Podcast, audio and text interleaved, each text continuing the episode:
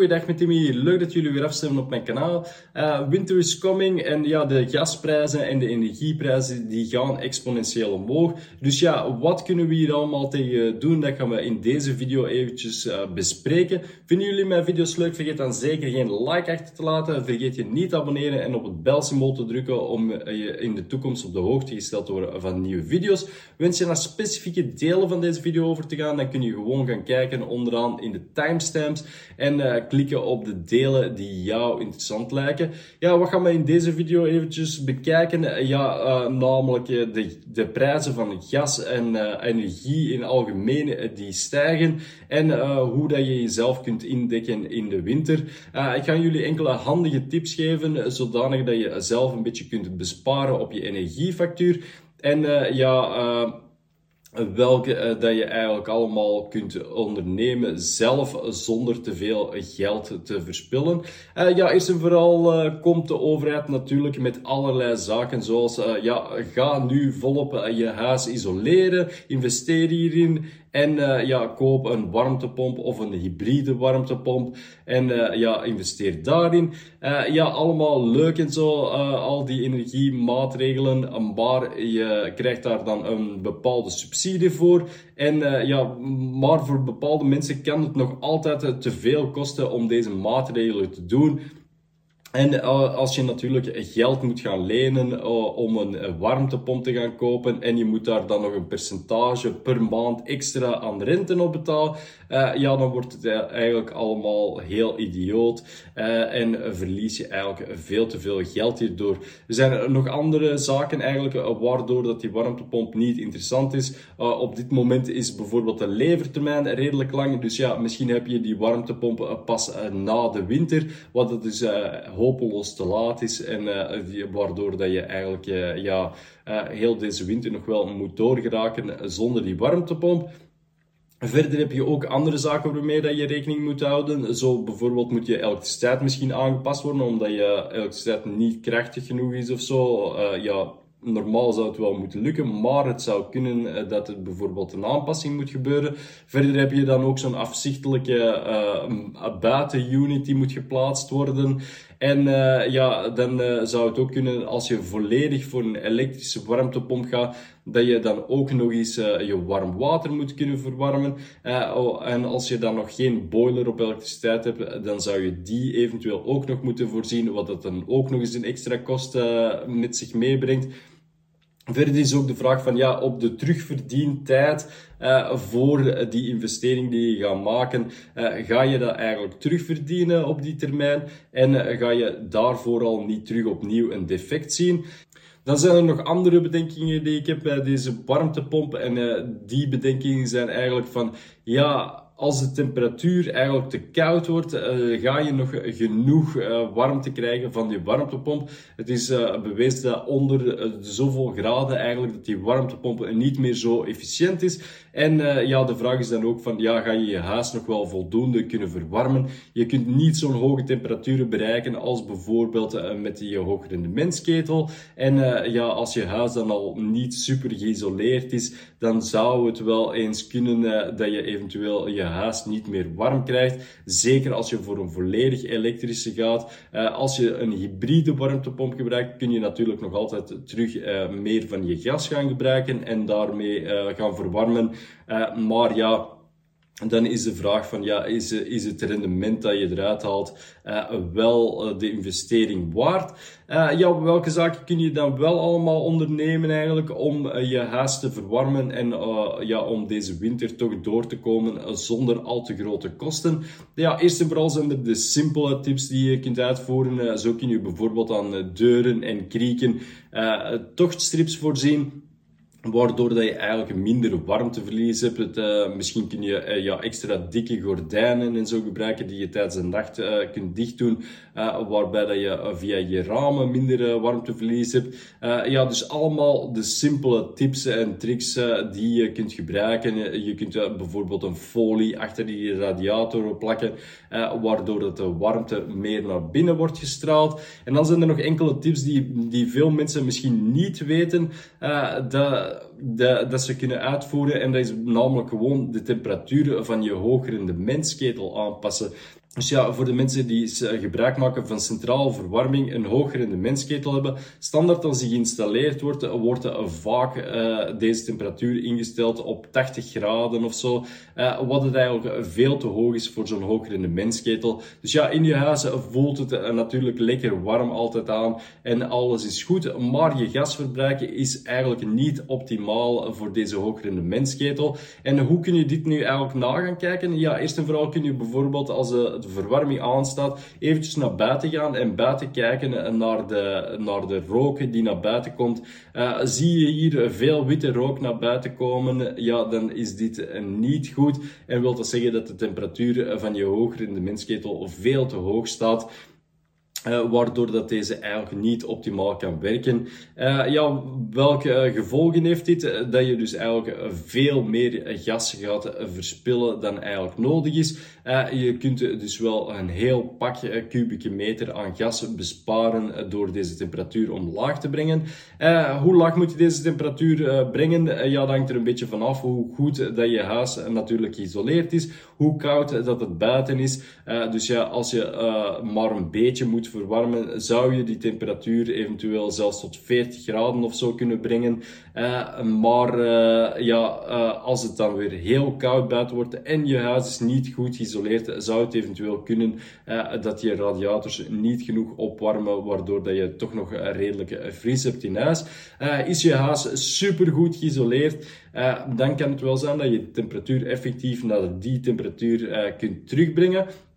Ja, een algemene richtlijn is eigenlijk dat de temperatuur die terugkomt van de verwarmingen naar eh, je hoogrendementsketel, dat die eigenlijk rond de 58 en nog iets graden moet zitten. Dus dat wil zeggen dat als de temperatuur initieel wordt doorgestuurd aan 80 graden en die komt terug aan je verwarmingsketel, dat die meestal niet afgekoeld is naar 58 graden. Dus om optimaal eigenlijk gebruik te kunnen maken van die condensatie. En uh, ja, om uh, je hoogrendementsketel dus optimaal te laten gebruiken. Dus ja, de, de richtlijn is dan om die temperatuur wat lager te brengen. Uh, je zou die eventueel eerst eens kunnen proberen uh, op 60 graden uh, en ja, zien hoe dat, dat uitpakt. ja, dus als die op 60 graden staat, dan gaat die retourtemperatuur waarschijnlijk wel onder de 58 graden zijn. Zelf heb ik die temperatuur nog veel lager gebracht, dus ja, ik merkte op dat hij op 50 graden ook nog wel aangenaam hier binnen in huis was.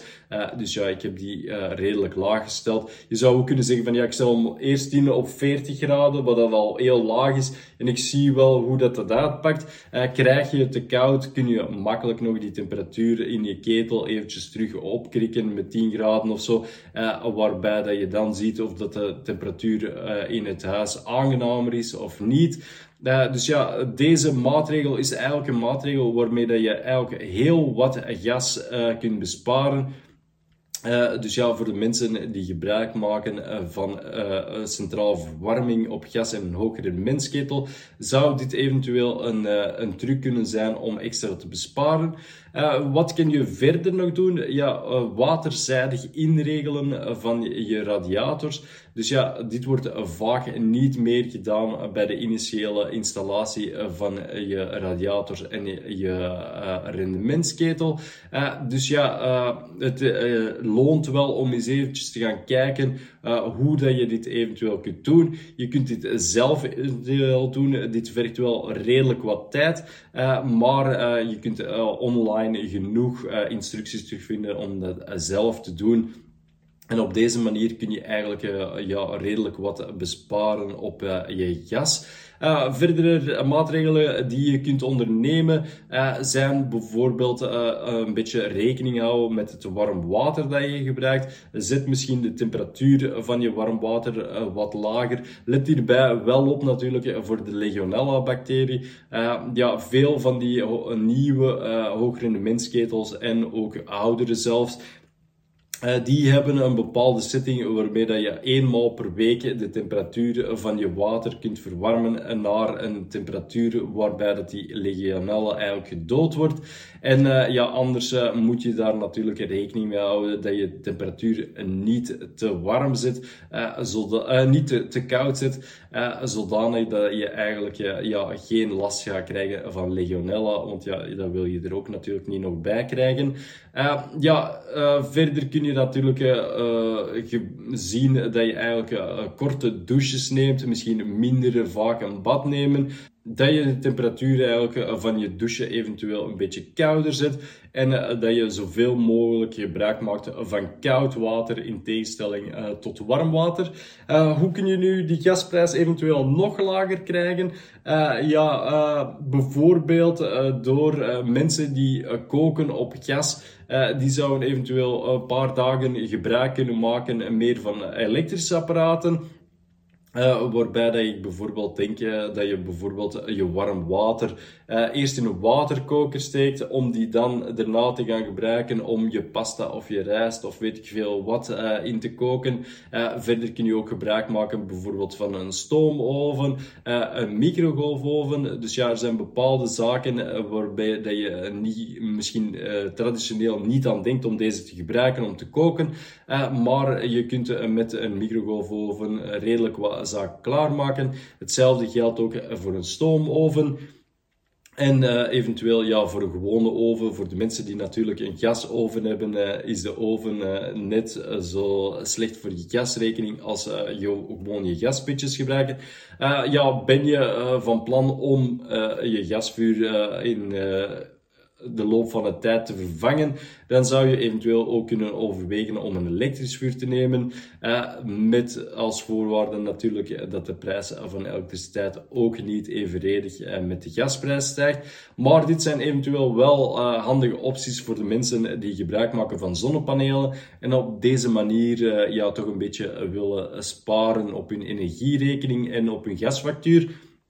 Uh, je zou ook gezonder kunnen gaan leven en uh, eventueel raw vegan of zo worden. dan moet je niet warm maken en bespaar je dus zeker en vast op je gasfactuur.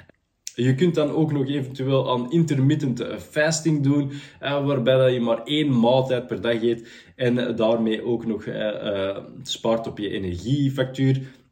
Ja, deze opties zijn natuurlijk niet voor iedereen weggelegd. en niet iedereen uh, wil dit doen. Uh, maar ja, het zijn gewoon enkele opties die ik eventueel kan opgeven om zo extra te besparen op je energiefactuur. welke maatregelen heb ik verder zelf nog genomen? ja, ik heb dus zelf eens eventjes gekeken naar ja, de mogelijkheid voor die warmtepomp. En ja, uiteindelijk vond ik deze kost te duur en zo. En heb ik daar toch niet voor besloten om dat te doen. Maar uh, wat ik wel doe, en uh, waar sommige mensen misschien ook niet aan denken, is dat je, ja, sommige mensen die hebben misschien een mobiele airco staan, die ze gebruikt hebben in de zomer om hun huis te koelen. wat je ook kunt doen met die mobiele airco, is eigenlijk je huis verwarmen. ja, veel van die apparaten ondersteunen ook de functie om je huis te verwarmen. Dus als de temperatuur buiten nog niet te koud is, kun je eventueel ja, op dezelfde manier dat je in de zomer je huis eigenlijk gaat afkoelen, uh, kun je die mobiele airco eventueel ook gebruiken om je huis een beetje bij te verwarmen. Uh, dus ja, op deze manier kun je toch een beetje minder gas gebruiken. En uh, ja, voor, zeker voor de mensen die zonnepanelen hebben, kan deze manier ertoe leiden dat je eigenlijk ja, op een energievriendelijke manier toch nog je huis kunt verwarmen. En uh, ja, je hebt het apparaat misschien toch al staan, dus ja, waarom kun je het dan ook niet in de winter gebruiken? Uh, een verdere maatregel die ik ook genomen heb is van ja, ik wou hier altijd al eens uh, een haardvuur installeren. de, de voorziening was hiervoor. ja, we hebben een schouw op ons dak staan, die was dichtgemetseld van onderen. En ja, de voorziening was er eigenlijk om in de toekomst een haardvuur te voorzien. En ik heb nu gewoon online eigenlijk via Panadero, ja, geen een reference naar hun of zo. ik verdien geen geld aan het verkopen van hun kachels. Maar ik heb zelf zo'n kachel besteld. Die is bij mij thuis geleverd. En dan heb ik iemand gezocht die eigenlijk deze kachel kon aansluiten op een juiste, correcte manier aan onze schoorsteen. En uh, ja, op deze manier heb ik toch uh, voor een zacht prijsje eigenlijk uh, die installatie kunnen doen. Als je natuurlijk een volledige kachelinstallatie laat doen van A tot Z, dan ga je hier ook een redelijk hoge kostprijs voor krijgen. Uh, maar als je zelf al een beetje handig bent en je kunt zo'n kachel bestellen via internet, uh, kun je al uh, redelijk ver geraken. Ik vond die kachels van Panadero redelijk interessant. Die hebben ook allemaal keurmerken en zo. Dus ja, het leek mij interessant. Die worden gewoon geleverd op een paletje. Dat weegt natuurlijk wel een ton om die in die huis binnen te krijgen. maar ja de installatie is goed geslaagd. En ondertussen heb ik dus ook een houtkachel. Uh, ja, waarom een houtkachel en geen pelletkachel? Ja, omwille van de eenvoudige reden dat ja, de prijzen van hout en van pellets zijn op deze momenten redelijk hoog. En misschien wel zelfs hoger dan de gasprijs. Uh, ja, dus waarom een houtkachel? Uh, ja, ik kan toevallig van mijn nonkel eigenlijk in Ardennen wat hout krijgen af en toe. waardoor dat ik toch een beetje kan verwarmen op hout en hierdoor extra kan besparen. waarom dan geen pelletkachel? Ja, omwille van de reden dat pellets die moet je nog altijd gaan kopen. Die kosten ook redelijk veel en je hebt ook geen andere opties niet meer. En ja, zo'n pelletkachel die is vaak ook elektrisch aangestuurd. Dus moest je een blackout krijgen deze winter, dan uh, ja, lijkt het mij ook moeilijk om die pelletkachel te gebruiken. Uh, bovendien kun je een houthaard ook met zo'n uh, speciale pelletkorf die je erin kunt zetten, waarbij dat je eigenlijk toch ook pellets kunt stoken in je houtkachel, moest je dat echt willen. dat zijn eigenlijk de maatregelen die ik zelf heb genomen. ik kan niet onmiddellijk nog andere maatregelen bedenken. Moesten jullie zelf nog enkele interessante andere maatregelen weten, gelieve deze dan in de comments achter te laten. Uh, ja, voor de specialisten van verwarmingen en zo. Uh, het kan zijn dat ik misschien enkele foutjes heb gemaakt of zo wat de verwarming betreft. of dat bepaalde zaken nog extra zijn waar dat je rekening mee moet houden. gelieve deze dan eventueel in de comments achter te laten. En dan uh, ja, kunnen de uh, kijkers hier ook iets uithalen. Vinden jullie deze video's leuk? Vergeet dan zeker en vast geen like achter te laten. Vergeet je niet te abonneren. En vergeet ook niet op het belsymbool te drukken om in de toekomst op de hoogte gesteld te worden van nieuwe video's. En dan hoop ik jullie spoedig terug te zien in een van mijn volgende video's. Fijne dag nog. Dag.